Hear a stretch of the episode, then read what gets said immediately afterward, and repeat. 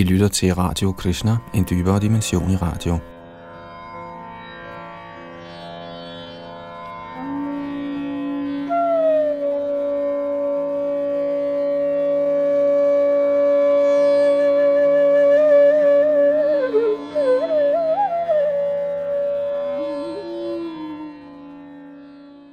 Sidste gang i vores gennemgang af Srimad Bhagavatam, hvor vi er i gang med 11. bogs 11. kapitel, afsluttede vi tekst 32. Det her kapitel det hedder Symptomer på betingede og befriede levende væsener.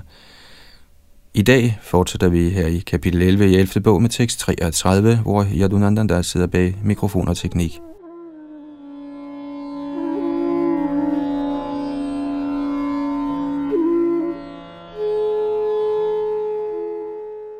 Tekst 33 Gyatva gyatva vaimam yavan yaschasmi yadrashaha vajantyananya bhavina teme bhaktatamamataha. Mine hengivne ved måske, eller måske ikke nøjagtigt, hvad jeg er, hvem jeg er og hvordan jeg eksisterer. Men hvis de tilbyder mig med ublandet kærlighed, betragter jeg dem som de bedste blandt hengivne. Kommentar Shalila Vishana Chakravarti Thakur nævner, at skønt Javaren peger på, at Krishna ikke kan begrænses af tid og rum, bliver han begrænset af sin rene hengivnes kærlighed.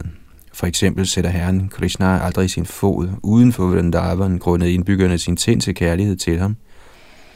På den måde kommer Herren under kontrol af sine hengivnes kærlighed.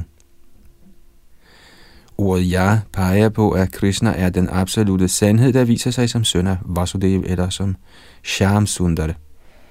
Yadrisha tilkendegiver, at Krishna er Atma Rama, eller helt tilfreds i selvet, og desuden Abdakam, eller en, som automatisk får alle sine ønsker opfyldt. Og dog fordi han påvirkes af sin rene hengivnes rene kærlighed, ser Herren ud til at være anatmarama, eller afhængig af sin rene hengivnes kærlighed, og Anabdakam, ud af stand til at indfri sine ønsker uden sine hengivnes samarbejde. Faktisk er den højeste herre Krishna altid uafhængig, men han gengælder sine hengivnes intense kærlighed og forekommer således afhængig af dem, ligesom han til synligheden bliver afhængig af Nanda Maharaj og Yashoda under sine barndomslejre i Vrindavan. Ordet Agyatva der betyder uerfaren eller uden kundskab, indikerer, at en gudshengiven sommetider måske ikke har en behørig filosofisk forståelse af guddommens person, eller grundet kærlighed måske midlertidigt glemmer herrens stilling. I Bhagavad Gita 11.41 siger Arjuna, Sakheti Madhva Prasabhang Yaduktam He Krishna He Yadava He Sakheti Ajanata Mahimanang Tavidam Maya pramadat pranayena vapi. Citat. Jeg har før tiltalt dig som, O Krishna, O Yadhav, O min ven, uden at kende din storhed. Tilgiv venligst, hvad end jeg måtte have gjort i galskab eller kærlighed. Citat slut. Arjuns ord, Ajanata, Mahimanam, har samme betydning som Krishnas ord, Agyatvamam, i dette vers i Bhagavatam Begge peger på mangelfuld forståelse af Krishnas storhed. I Bhagavad Gita siger Arjuna Pranayena, Hans glemsomhed om Krishnas suveræne stilling skyldtes hans intense kærlighed for ham. I dette vers undskylder Krishna sådanne mindre fejl fra sine hengivne side med ordene Agyat Varmam, der tilkendegiver, at skønt hengivne måske ikke helt påskynder hans ophøjede stilling, accepterer Krishna deres kærlige tjeneste. Således afslører dette vers klart Bhaktins suveræne stilling. Herren Krishna siger også i Bhagavad Gita 11.54, Bhaktya tvananyaya shakya hamevang vidhorjuna gyatum drashtum Chatatvina praveshtum chaparantapa. Citat. Kære Arjuna, kun gennem uddelt hengiven tjeneste kan jeg forstå, som jeg er, stående foran dig, og således ses direkte – kun på den måde kan du træde ind i mysteriet omkring min forståelse. Citat slut.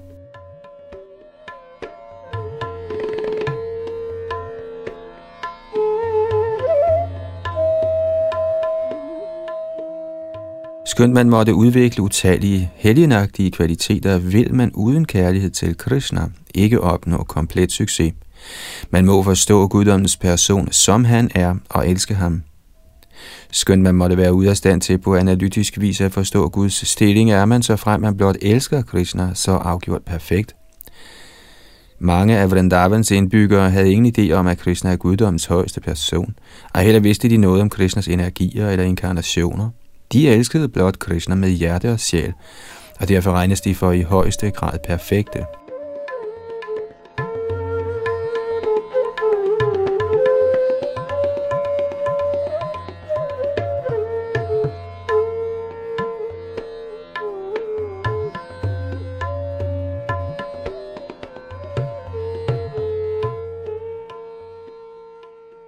Tekst 34-41 Kære Udhav, man kan give afkald på falsk stolthed og prestige gennem de følgende hengivne aktiviteter.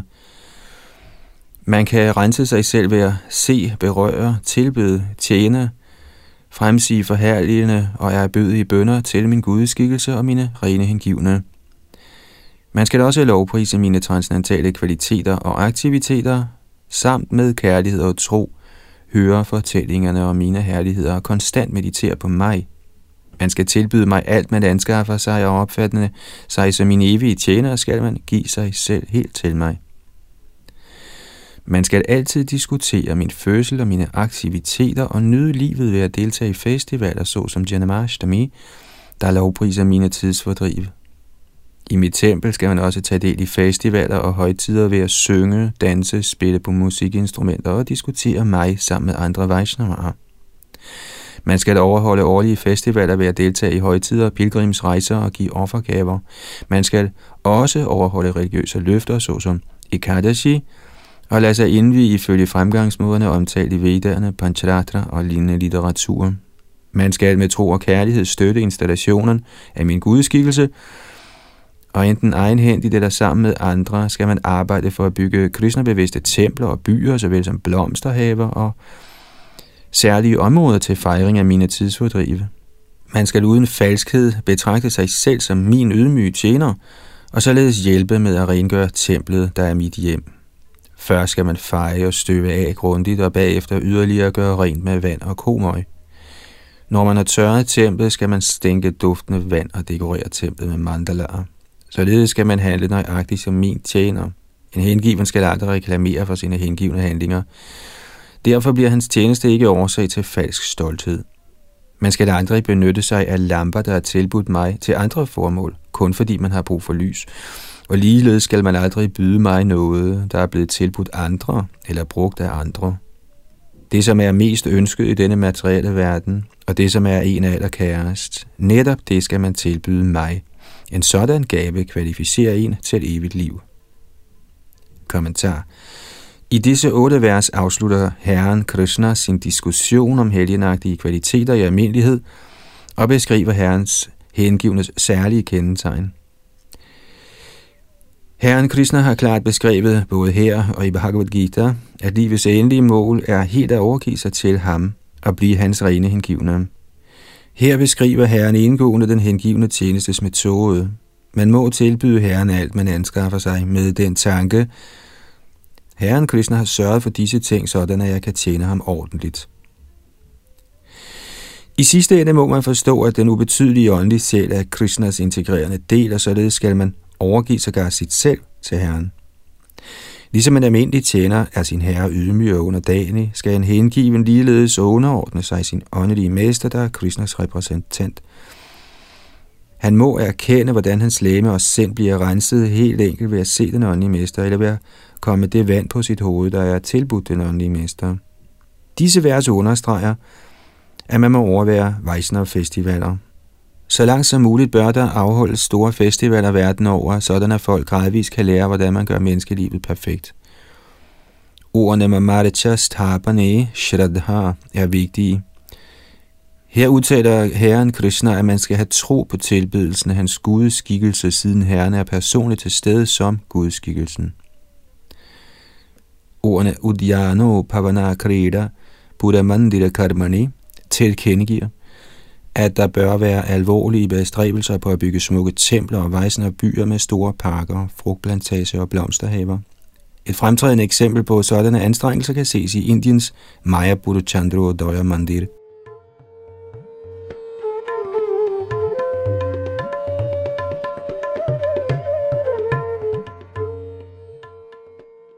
Ordene Dipa Valokanga Me No Parayunjan Niveditam peger på, at man aldrig må bruge gudskikkelsens udstyr til sansenydelse. Er der mangel på elektricitet eller lamper, må man ikke bruge gudskikkelsens lamper, ej heller må man nogensinde byde Krishna ting, der tidligere er blevet tilbudt andre eller brugt af andre. I disse vers bliver vigtigheden af tilbydelse af gudskikkelsen og Vaishnav festivaler understreget på mange måder. Herren Krishna lover, at enhver, der oprigtigt udfører disse aktiviteter, så afgjort vil vende hjem tilbage til guddommen. Tadanandjaya kalpate. Man skal tilbyde Krishna sit kæreste eje. Ikke det, som er overflødigt eller uønsket. Er man mest knyttet til sin familie, skal man sørge for at engagere familien i Krishnas tjeneste. Er man mest knyttet til penge, skal disse helliges udbredelsen af Krishna-bevidsthed. Og regner man sin intelligens for mest værdifuld, skal man forkynde Krishna-bevidsthed med uovertruffen logik og resonemang. Tilbyder vi Herren Krishna vores kæreste ejendele, bliver vi automatisk afholdt af Herren og vender hjem tilbage til guddommen.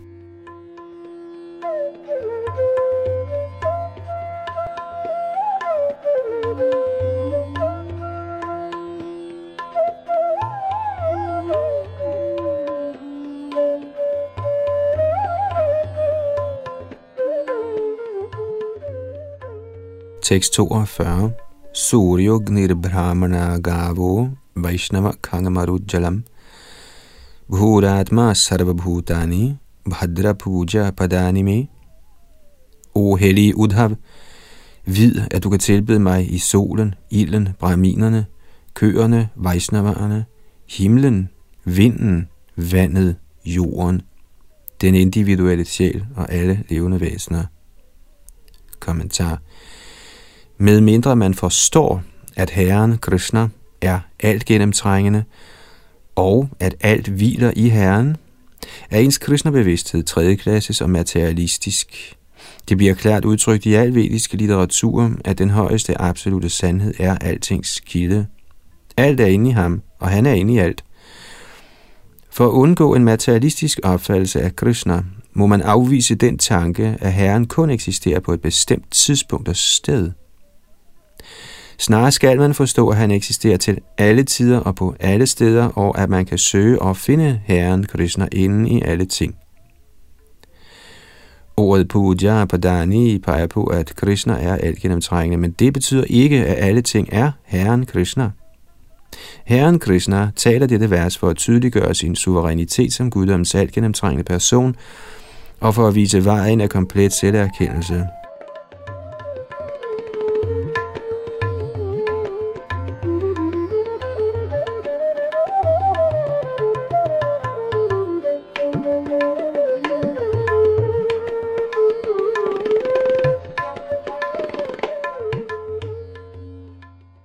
Tekst 43-45 Kære Udhav, man skal tilbede mig ind i solen ved at recitere udvalgte vediske mantraer og gennem tilbedelse og erbødighed.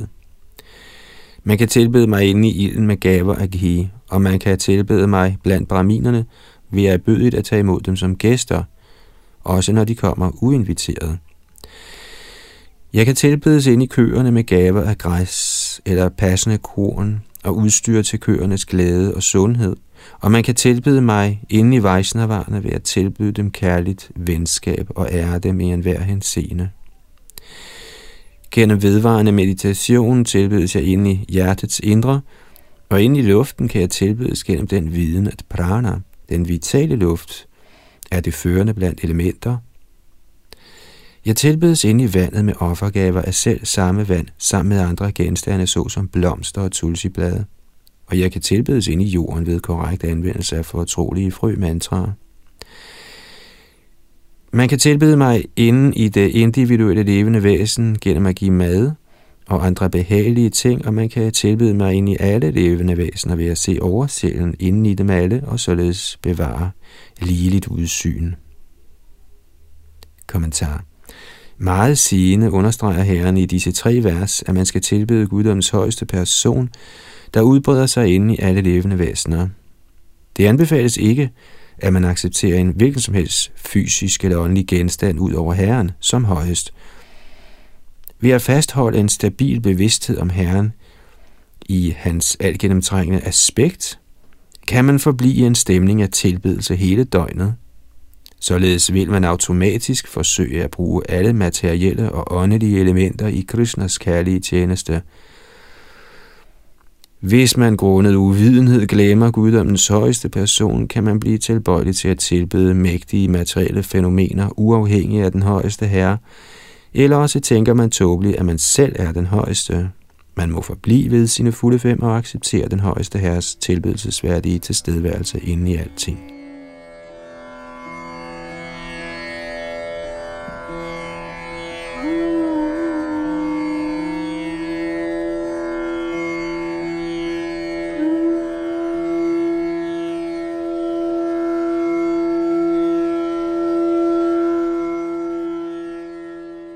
46. Dhishnesh vidyeshu madrupang sankha chakragada bhujai yuktang chaturbhujang shantang dhyayan narichit samahitah. Således skal man på de før omtalte steder til tilbydelse og ifølge de metoder, jeg har beskrevet, meditere på min fredfyldte transcendentale skikkelse med fire arme, der holder en konkylie, Sudarshan diskos, køle og lotusblomst. På den måde skal man tilbyde mig med fast opmærksomhed. Kommentar. Herren har tidligere forklaret, at han viser sig i forskellige transcendentale skikkelser for sine rene hengivne, sådan at de kan øge deres kærlighed til guddommen uendeligt. Her gives en generel beskrivelse af den firearmede Narayan form, der gennemtrænger den materielle verden som oversælen eller Paramatma. De rene hengivne mediterer imidlertid ikke på Herren i hjertet, men yder snarere aktiv tjeneste til en af Herrens specifikke former, såsom Ram eller Krishna, og fuldkommen gør således deres erkendelse af Bhagavan, eller den højeste herre, der nyder transcendentale tidsfordriv sammen med sine hengivne i den åndelige verden. Dog kan man sågar inden for den materielle verden åndeliggøre sin tilværelse ved at se den højeste herre inde i alting og tilbede ham gennem konstant meditation. Som omtalt i de forrige vers, skal man også besøge templet og specifikt tilbede gudskikkelsen og deltage i åndelige festivaler. Man skal ikke være opblæst og hævde, at fordi man mediterer på Herren i naturen, er der intet behov for at besøge templet. Tempeltilbedelse er gentagende gange blevet understreget af Herren selv. Ordet samahita i dette vers indikerer samadhi. Tilbeder man opmærksomt gudeskikkelsen eller hører og lovpriser Herren Krishnas tidsfordriv, er man så afgjort i samadhi. Ved at tilbede og lovprise Herren døgnet igennem, bliver man af befriet sjæl og hæves gradvist helt hinsides den materielle skabelses indflydelse. Det levende væsen kaldes Atma, eller evig sjæl, på grund af hans forhold til Paramatma, guddommens højeste person. Tilbedelse af Herren genopvækker vores evige natur, og i takt med, at vi øger vores entusiasme og stenhaftighed i hengiven tjeneste, fortoner den materielle tilværelse sig.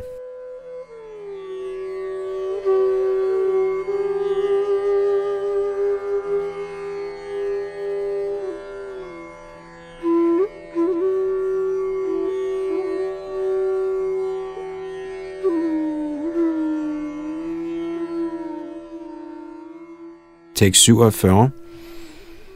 Ishta purti namame vangyo yajita samahitaha labhate mai sadbhakting mat smriti sadhu sivaya.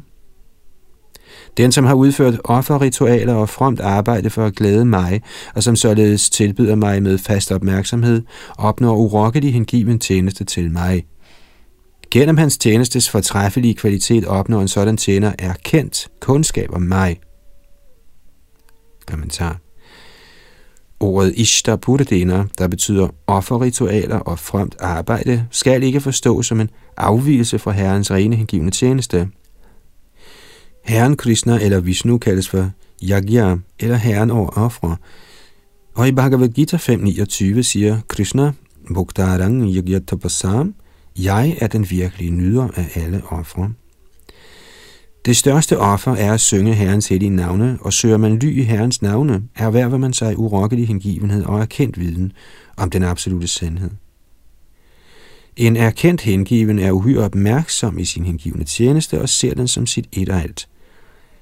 Han holder sig egnet til hengiven tjeneste gennem konstant at tilbede og lovprise den åndelige mesters og guddoms højeste persons lotusfødder.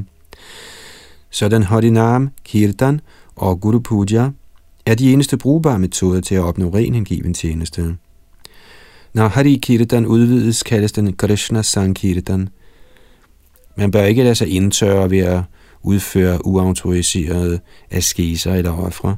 Snarere skal man med al sin entusiasme tage del i det store Shri Krishna Sankirtan offer, der sætter en i stand til let at opnå menneskelivets højeste fuldendelse.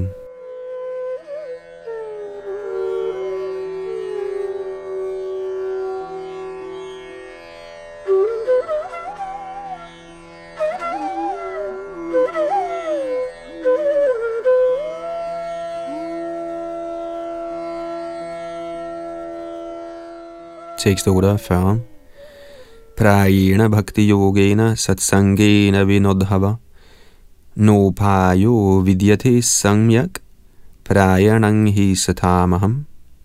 Kære Udhav, jeg er personligt den endelige tilflugt og livsstil for helgenagtige befriede personer, så hvis man ikke indlader sig på min kærlige tjeneste, der gøres mulig ved omgang med mine hengivne, har man i praksis ingen fungerende metode til at undslippe den materielle tilværelse.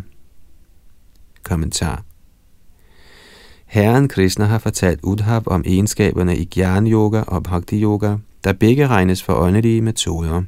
Men nu udtrykker Krishna imidlertid klart, at Bhakti Yoga er den eneste rigtige metode til helt at komme fri af den materielle tilværelse. Og denne Bhakti Yoga lader sig ikke gøre uden satsanga eller omgang med andre Vaishnavaer. På vejen af Bhakti Mishra Gyan, eller spekulation om den absolute sandhed, iblandet hengivenhed, er man stadig påvirket af naturens tre kvaliteter – den rene sjæl, der er befriet for alle materielle kvaliteter, har ingen trang til eller ønske om filosofisk spekulation, streng askese eller upersonlig meditation. Den rene sjæl elsker blot Krishna og ønsker at tjene ham konstant. Jivita Swarupa Hoi Krishnera Nityadas Madhya Lila 20108 fra Chaitanya Charitamrita Ren hengiven tjeneste til Herren kaldes kevalbhakti, hvorimod hengiven tjeneste iblandet spekulative tendenser kaldes Gunabhut Bhakti eller hengiven tjeneste for urenet af naturens tre kvaliteter. Den, som faktisk er begavet, gør ikke et nummer ud af filosofisk hekseri, men erkender overlegenheden i ren kærlighed til guddommen og slår ind på vejen af Keval Bhakti. Den, som lægger vægt på såkaldt intellektuelle bedrifter, er i grunden mindre begavet, da en sådan person i højere grad tiltrækkes af intelligens end til den rene sjæl, der er højere. Det skal dog forstås, at ren hengiven tjeneste ikke er ufilosofisk eller anti-intellektuel. Den absolute sandhed er langt mere omfattende end delvis sandhed. Derfor har den, som besidder fuldstændig kundskab om Herren Krishna, den bedste evne til filosofisk analyse, siden en ren hengiven arbejder inden for hele området af begrebsmæssige kategorier. De, som ikke kender Krishna, tiltrækkes af den upersonlige Brahman eller den lokaliserede Paramatma, men de er ikke klar over den endelige kategori af forståelse kaldet Bhagavan, eller guddommens højeste person. Blottet for viden om Bhagavan forstår disse mangelfulde filosofer så afgjort ikke, udvidelsen, vekselvirkningen og tilbagetrækningen af Herrens utallige energier og kan således ikke helt analysere dem. Gennem tro og accept af alt Krishna siger som den absolute sandhed, kommer man til den modne platform af filosofi og opnår perfekt kundskab.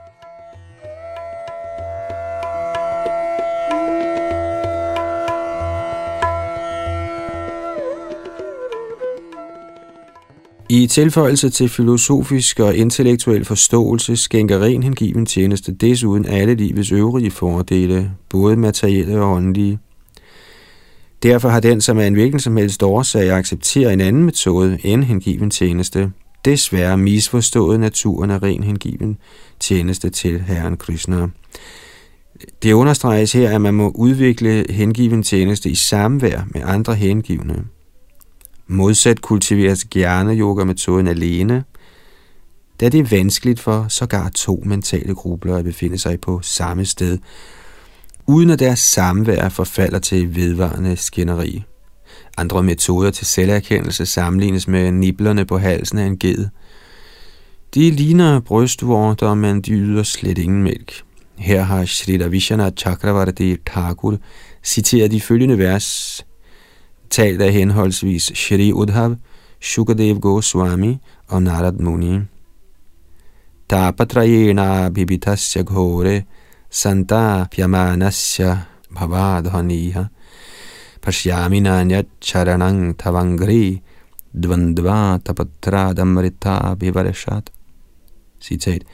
Kære herre, for den, som bliver grusomt brændt i de materielle lidelses flammende ild efter at have faldet ned i den materielle tilværelses net, ser jeg ingen anden mulig tilflugt end dine to lotusfødder, der er en byge af nektar, der slukker lidelsernes ild. Citat slut fra Bhagavatams 11. bog, kapitel 19, tekst 9. Sangsara sindhum atidustaram uttitirashor Nanya plavu bhagavata purushottamasya Lila katara sanishivanangantarena pungsu bhavid vividha dukkha davaradidhasya. Citat. Den materielle tilværelse er som et ocean, der er meget vanskelig at krydse. De betingede sjæle er faldet i dette ocean, der ikke er køligt, men snarere brænder det med fortvivlelsens ild. For den, som er faldet ned i dette hav og gerne vil op, er der ingen anden redningsbåd end den konstante nydelse inde i ens selv af fortællingerne om guddommens højeste persons tidsfordriv. Citat slut, Shrimad Bhagavatam, bog 12, kapitel 4, tekst 40. Kingva yogena sankhena nyasa svadhyaya yorapi Kingva shreyobhir anyaischa nayatratma pradohari. Citat. Til hvad nytte er yogasystemet, filosofisk spekulation, blotterbar forsagelse af verden eller studier af vedderne, ja til hvilken nytte er nogen som helst såkaldt lykkebringende proces, uden Herren Krishna, der er kilden til selve vores eksistens. Citat slut, og det er fra Parkotans fjerde bog, kapitel 31, tekst 12.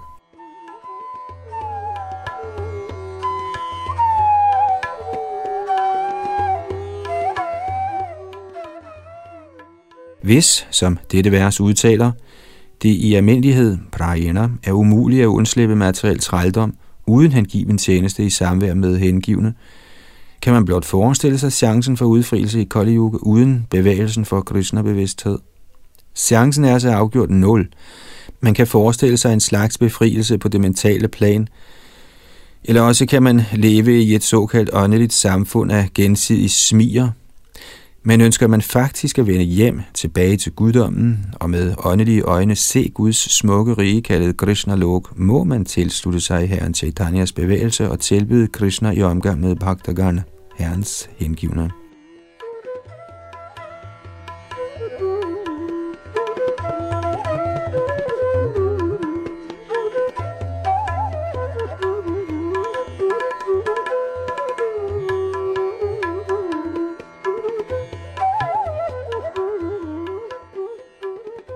Tekst 649 Ataitat paramanguyang shrinvato yadunandana.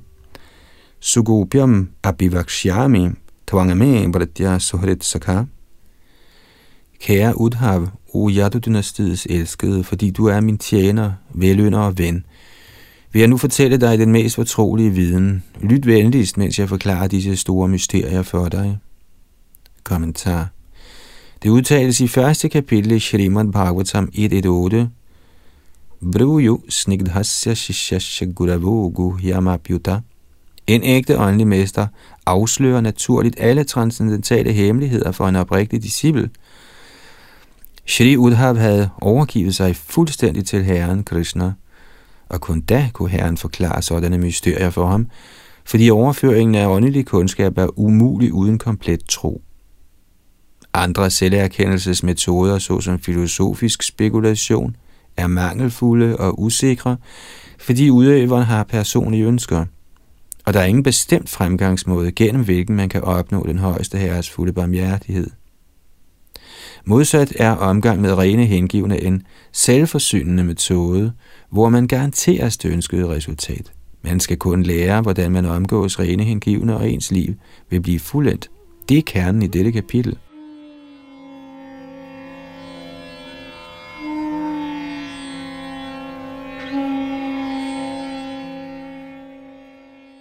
Således ender kommentarerne fra hans guddommelige nåde, A.C. Bhaktivedanta Swami Prabhupada, til Srimad Bhagavatams 11. bogs 11. kapitel med titlen Symptomer på betinget og befriede levende væsener.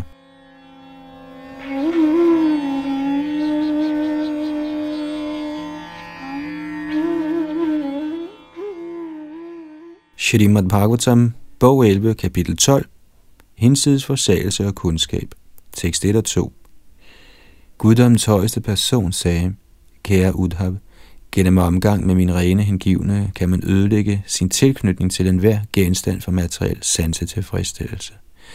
Sådan rensende omgang bringer mig under kontrol af min hengivne. Man kan gennemføre Ashtanga-yoga-systemet, filosofisk analysere naturens elementer, praktisere ikke vold og andre ordinære fromhedsprincipper – recitere vedderne, overholde strenghed, indtræde i forsagelsens orden, udføre ofre og grave brønde, plante træer og gøre andet til offentlighedens tarv, give godgørenhed, overholde strenge løfter, tilbede halvguderne, synge hemmelige mantraer, besøge hellige steder eller acceptere vigtige eller mindre vigtige disciplinære påbud, men selv sådanne gerninger bringer mig ikke under kontrol. Kommentar Srila Jiva Goswamis kommentar til disse to vers kan opsummeres som følger. Man kan tjene herrens indgivende gennem ceremoniel tilbydelse eller ved faktisk at omgås dem. Omgang med rene hengivne er tilstrækkeligt til selverkendelse, fordi man kan lære alt om åndelige fremskridt af sådanne hengivne. Med perfekt kundskab kan man opnå alt, man ønsker, for den hengivne tjenestes metode til vejebringer og i blikkeligt guddommens højeste persons velsignelser. Ren hengiven tjeneste er transcendental til naturens kvaliteter og forekommer derfor mystisk for de sjæle, der er betinget af disse kvaliteter.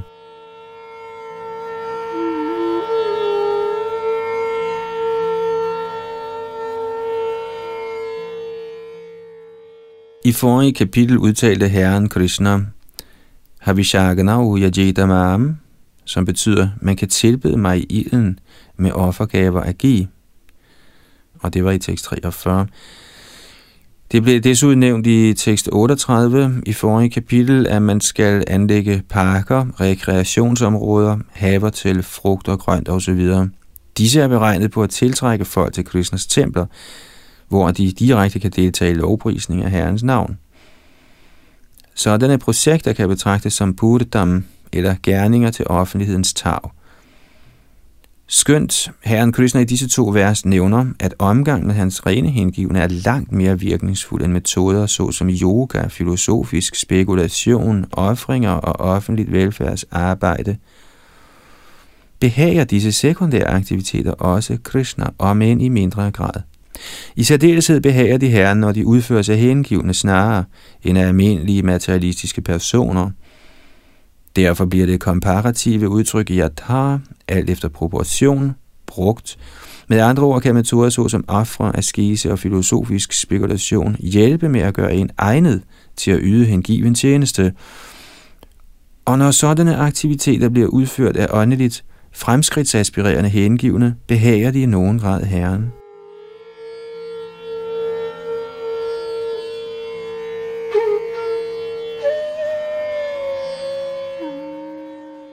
Man kan studere eksemplet Vradani eller løfter. Påbud om, at man skal faste på Ekadashi, er et permanent løfte for alle Vaishnavaer, og man bør ikke slutte ud fra disse vers, at man kan forsømme Ekadashi-løftet. Det, at satsang eller omgang med rene hengivne er overlegen i det, den skænker frugten og kærlighed til guddommen, betyder ikke, at man skal give afkald på andre metoder, eller at disse sekundære metoder ikke er permanente faktorer i Bhakti Yoga. Der er mange vediske påbud om, at man skal udføre Agni Hodra offret, og Chaitanya Mahaprabhus tilhængere i moderne tid udfører også lejlighedsvis ildoffre. Sådanne ofre bliver anbefalet af Herren selv i forrige kapitel, og derfor skal de ikke afvises af Herrens indgivende. Gennem rituelle vediske renselsesprocesser hæves man gradvist til niveauet af hengiven tjeneste, på hvilket man er i stand til direkte at tilbyde den absolute sandhed. Et af de vediske påbud udtaler, citat, det resultat, man opnår ved at faste vedvarende i en måned på seks forskellige højtider, kan let opnås ved at indtage en håndfuld ris tilbudt herren Vishnu. Denne lettelse gives især i Kali Yuga. Citat slut. Ikke desto mindre er reguleret faste på Ekadashi ikke en hindring for åndelige fremskridt. Snarere er det et permanent aspekt af hengiven tjeneste og kan betragtes som et hjælpende princip til støtte for hovedprincippet, som er at tilbede Krishna og hans hengivne. Fordi sådanne sekundære principper hjælper en til at blive egnet til den hengivne tjenestes primære metode, er de også i høj grad gunstige. Derfor omtales sådanne sekundære principper gennem hele den vediske litteratur. Det kan sluttes, at sådanne sekundære principper er afgørende for fremskridt i Krishna-bevidsthed, og derfor skal man aldrig opgive princippet af vrat, overholdelsen af foreskrevne løfter.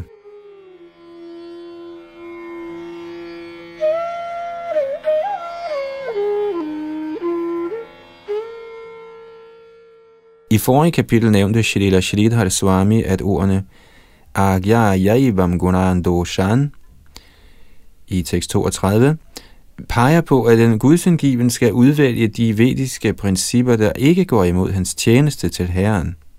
Mange af de udførlige vediske ceremonier og indviklede metoder til faste, tilbedelse af halvguder og yogaøvelse forstyrrer i høj grad den overordnede metode, Shravanankirtanang Vishnu, at høre om og lovprise Herren. Derfor afvises de af Vaishnaverne. I midlertid skal de metoder, der fremmer hengiven tjeneste, accepteres. Man kunne give eksemplet med Maharaj Yudhishthir, der blev undervist af den døende Bhishma Deva. I Shrimad Bhagavatam 1.9.27 underviser Bhishma kong Yudhishthir i Dharm, eller almen godgørenhed, Rajadharm, eller en konges pligter, Mokshadharma, eller pligter med henblik på frelse, Stridharma, kvinders pligter og i sidste ende Bhagavad Dharma eller ren hengiven tjeneste til Herren. Bhishma begrænsede ikke sin undervisning til Bhagavad Dharma, fordi Herren Krishna gav Maharaj Yudhishthir den tjeneste, at han skulle fungere som konge. Og for at gennemføre sin tjeneste havde Yudhishthir Maharaj brug for omfattende viden ud i civile anlægner. I midlertid skal den, som ikke yder sådan foreskreven samfundsmæssig hengiven tjeneste, ikke unødigt indlade sig med den materielle verden, end ikke gennem vediske ritualer. Intet bør aflede ham fra det endelige mål, der er at tilfredsstille Herren Krishna.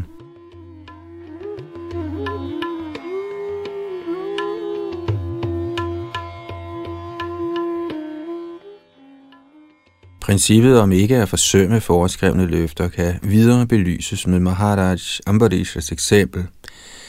I Srimad Bhagavatams 9. bog finder vi, at Maharaj Ambarish nok afholdt udførlige vediske ofre, men hans mål var altid herrens tilfredsstillelse.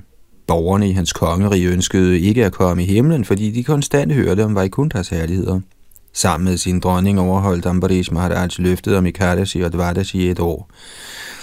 Siden Ambarish Maharaj regnes for en stor juvel blandt Vaishnavaer, og siden hans opførsel altid var eksemplarisk, kan man trygt slutte, at sådanne løfter om faste er påkrævet for Vaishnavaer. Det siges endvidere i vedisk litteratur, citat, hvis en Vaishnav grundet forsømmelighed ikke faster på Ikadashi, er hans tilbedelse af Herren Vishnu uden værdi, og han kommer i helvede. Citat slut. Medlemmerne af det internationale samfund for Krishna-bevidsthed faster fra korn og bønder på Ikadashi, og dette løfte skal altid overholdes af alle samfundets medlemmer.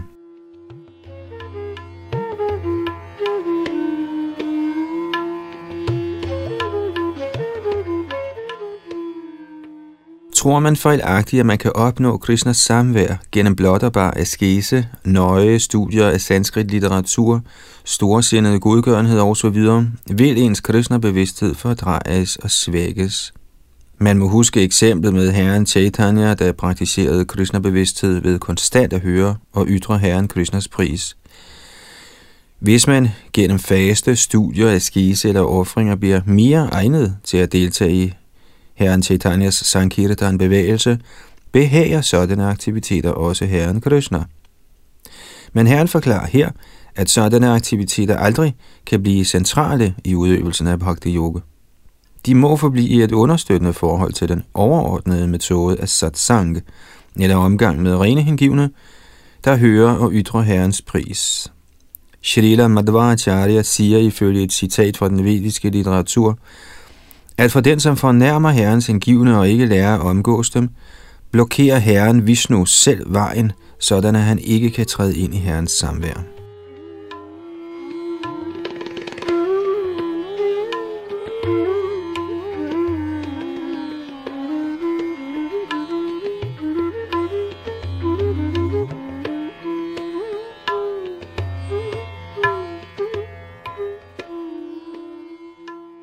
Tekst 3-6 I hver yuga opnåede mange levende væsener, der var indviklet i lidenskabens og uvidenhedens kvaliteter, omgang med mine hengivne. Således var levende væsener såsom Daitya, Rakshasa, fugle, dyr, gandharvarer, apsaraer, nagaer, siddhaer, charanaer, guyakaer og vidyadharaer, såvel som mennesker af lavere klasse, såsom Vaishya, Sudra, kvinder og andre, er i stand til at nå min højeste bolig.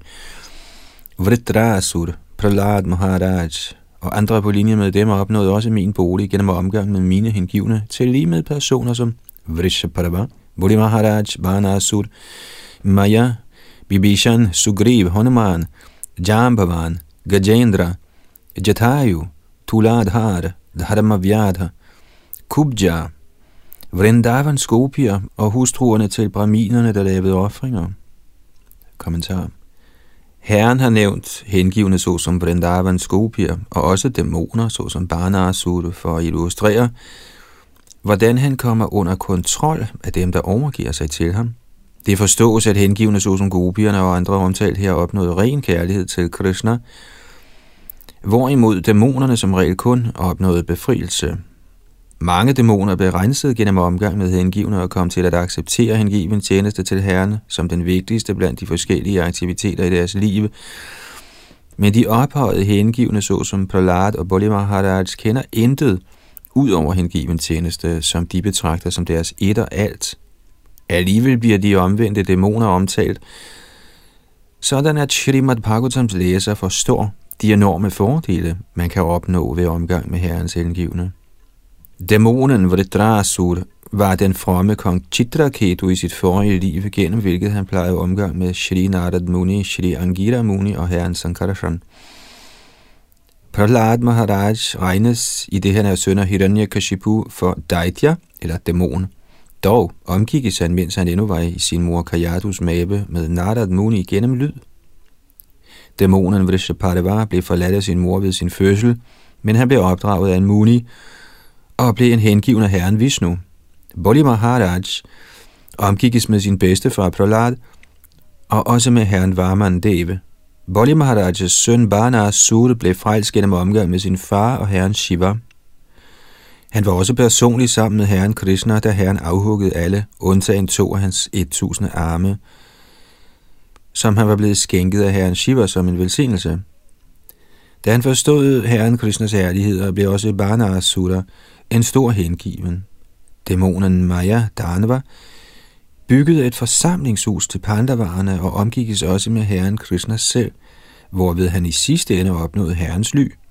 Vibhishan var en from dæmon, bror til Ravan, og han plejede omgang med Hanuman og Ramchandra.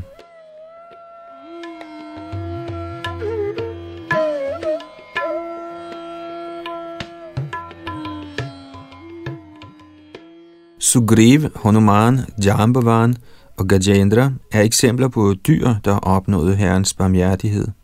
Jambavan eller Riksharaj tilhørte en race af aber. Han mødte herren Krishna og kæmpede mod ham om Siamantak-juvelen. Elefanten Gajendra havde i et tidligere liv plejet omgang med hengivne, og ved slutningen af sit liv som Gajendra blev han personligt frelst af herren. Jatayu, fuglen der på bekostning af sit liv bistod herren Ramchandra, omgikkes med Shri Garuda og Maharaj Dashrat, såvel som andre hengivne i Ram Lila. Han mødtes også personligt med Sita og herren Ram. Ifølge Shri Rajiv Goswami var det samvær Gandharvaer, Apsaraer, Nagaer, Siddhar, Charanaer, Guyakaer og Vidyadharaer havde med gudsindgivende ikke så fremtrædende og behøver ikke at nævnes. Vanik Patha er en Vaishya, og hans historie omtales i Mahabharat i forbindelse med Jajali Munis storhed.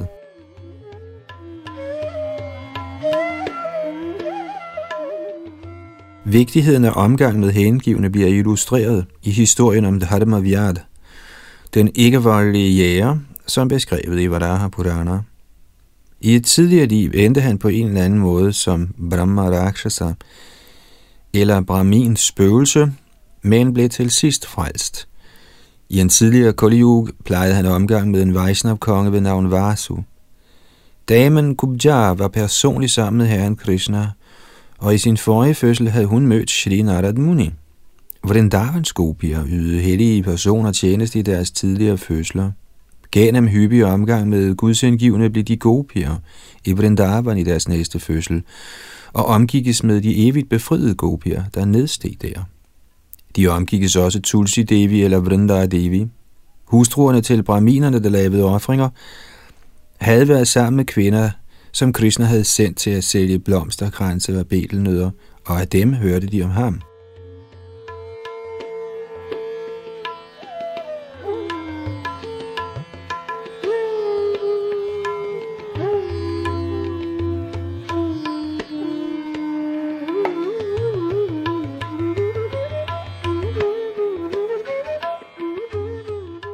Tekst 7.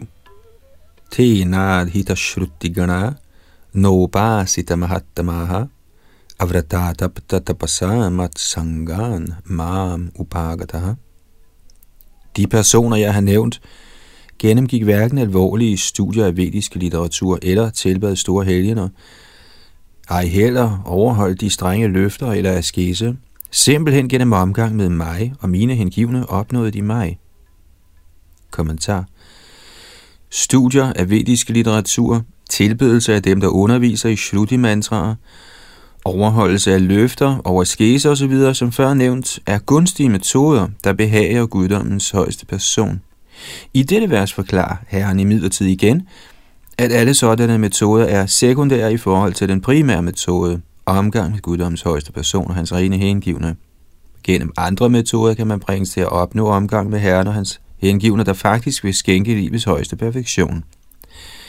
Ordet matsangat kan også læses som satsangat med samme betydning. Læser man det som matsangat vi omgås mig, forstås mat også i betydningen de som er mine, eller de hengivne. Shrila Sridhar Swami nævner, at en ren hengiven kan gøre fremskridt i Krishna-bevidsthed ved sit eget samvær, da han vil simpelthen at omgå sine egne aktiviteter, omgås Herren.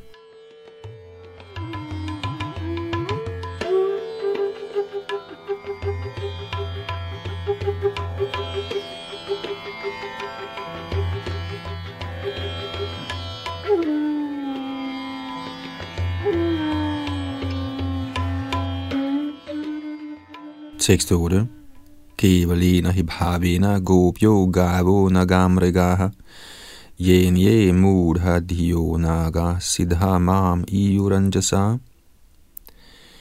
Vrindavans indbyggere, herunder gopierne, køerne, de ubevægelige væsener, såsom tvillinge, arjun-træerne, dyrene, levende væsener med begrænset bevidsthed, såsom buske og krat, og slanger, såsom kaljer, opnåede alle livets fuldendelse gennem ublandet kærlighed til mig, og opnåede mig således let.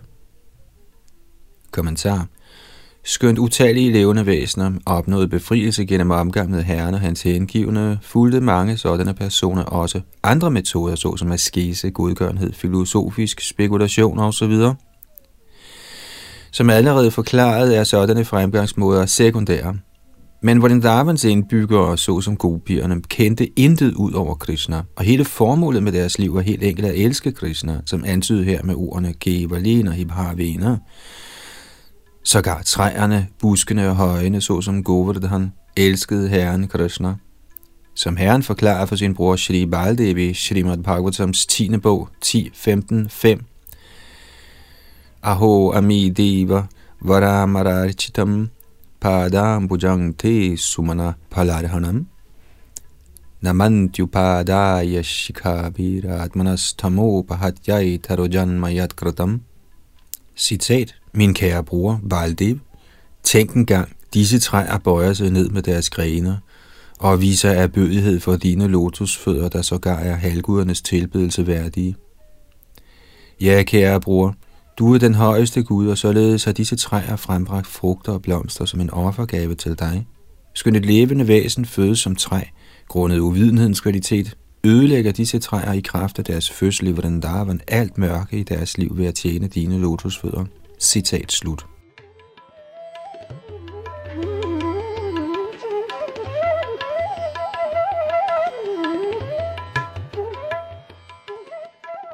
Skønt mange levende væsener opnåede Krishnas nåde gennem omgang med Herren og hans hengivne på forskellige måder, er de, som accepterer Krishna som alting, i den højeste proces af åndelig erkendelse. Derfor har Herren i dette vers valgt at udlade dem, der opnåede fuldendelse gennem blandede metoder, men lovpriser snarere den Davans ublandede hengivne anført af gopierne, der ikke vidste af andet end herren Krishna. Indbyggerne i Vrindavan var så tilfredse i deres forhold til Krishna, at de ikke forurenede deres kærlige tjeneste med mental spekulation eller ønsker om arbejdets frugter. Gopierne tjente Krishna i den ægteskabelige rasa eller stemning, hvorimod køerne ifølge Shalila Vishana Chakravarti Thakur elskede Krishna i Vatsalyaras eller forældrekærlighed, fordi køerne altid sørgede for mælk til Krishna som barn. Ubevægelige ting, såsom Govardhan højen og andre høje og bjerge, elskede Krishna som en ven, og de almindelige dyr, træer og buske i Vrindavan elskede Krishna i Dasyaras eller med en tjeners kærlighed til sin herre. Slanger som Kalia udviklede også denne kærlighed og tjenerskab, og efter at have nydt deres kærlige tjeneste til Krishna, vendte de alle tilbage hjem til guddommen.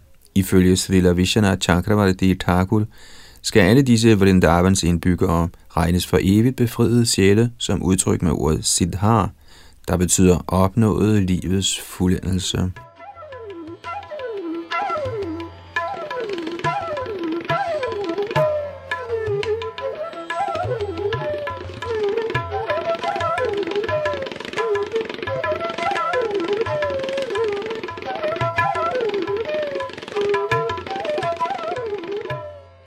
Tekst 9. Skønt man med stor møje beskæftiger sig med mystikkens yogasystem, filosofisk spekulation, godgørenhed, løfter, bod, rituelle øjfre, at undervise andre i vediske mantraer, personlige veda-studier eller forsagelsens orden, kan man alligevel ikke opnå mig. Kommentar. Herren Krishna forklarer her, at det er uhyre vanskeligt at opnå hans personlige samvær, endda for den, som gør sig alvorlige anstrengelser på at nå den absolute sandhed. Vrindavans indbyggere, såsom gopierne og køerne, levede hele tiden sammen med Krishna, og således kaldes deres omgang satsang. En hver, der lever i mødekommende sammen med guddoms højeste person, bliver sat eller evig, og således kan samvær med en sådan person og i blikkeligt skænke andre ren hengiven tjeneste til Herren. Der findes en askese kaldet Chandrayana, der er en faste, hvor ens indtagelse af mad hver dag skal reduceres med en mundfuld, som månen aftager, og øges på samme måde, som månen tiltager. Ligeledes er der besværlige rituelle ofre og udmattende studier af de vediske sanskrit mantraer, som man også kan lære andre. Alle disse møjsommelige aktiviteter kan ikke skænke livets højeste perfektion, medmindre man opnår Herrens rene, hengivnes, ubegrundede barmhjertighed – som udtalt i Srimad Bhagavatams første bog 1.2.8, dharma svanushtita pungsang vishvaksena kathasuya nodpada yadirating sharamaiva hikevalam. Og det betyder, det erhvervsmæssige arbejde, et menneske gør ifølge sin egen stilling, er kun så meget værdiløs møje, hvis ikke det fremkalder en tiltrækning til guddommens persons budskab.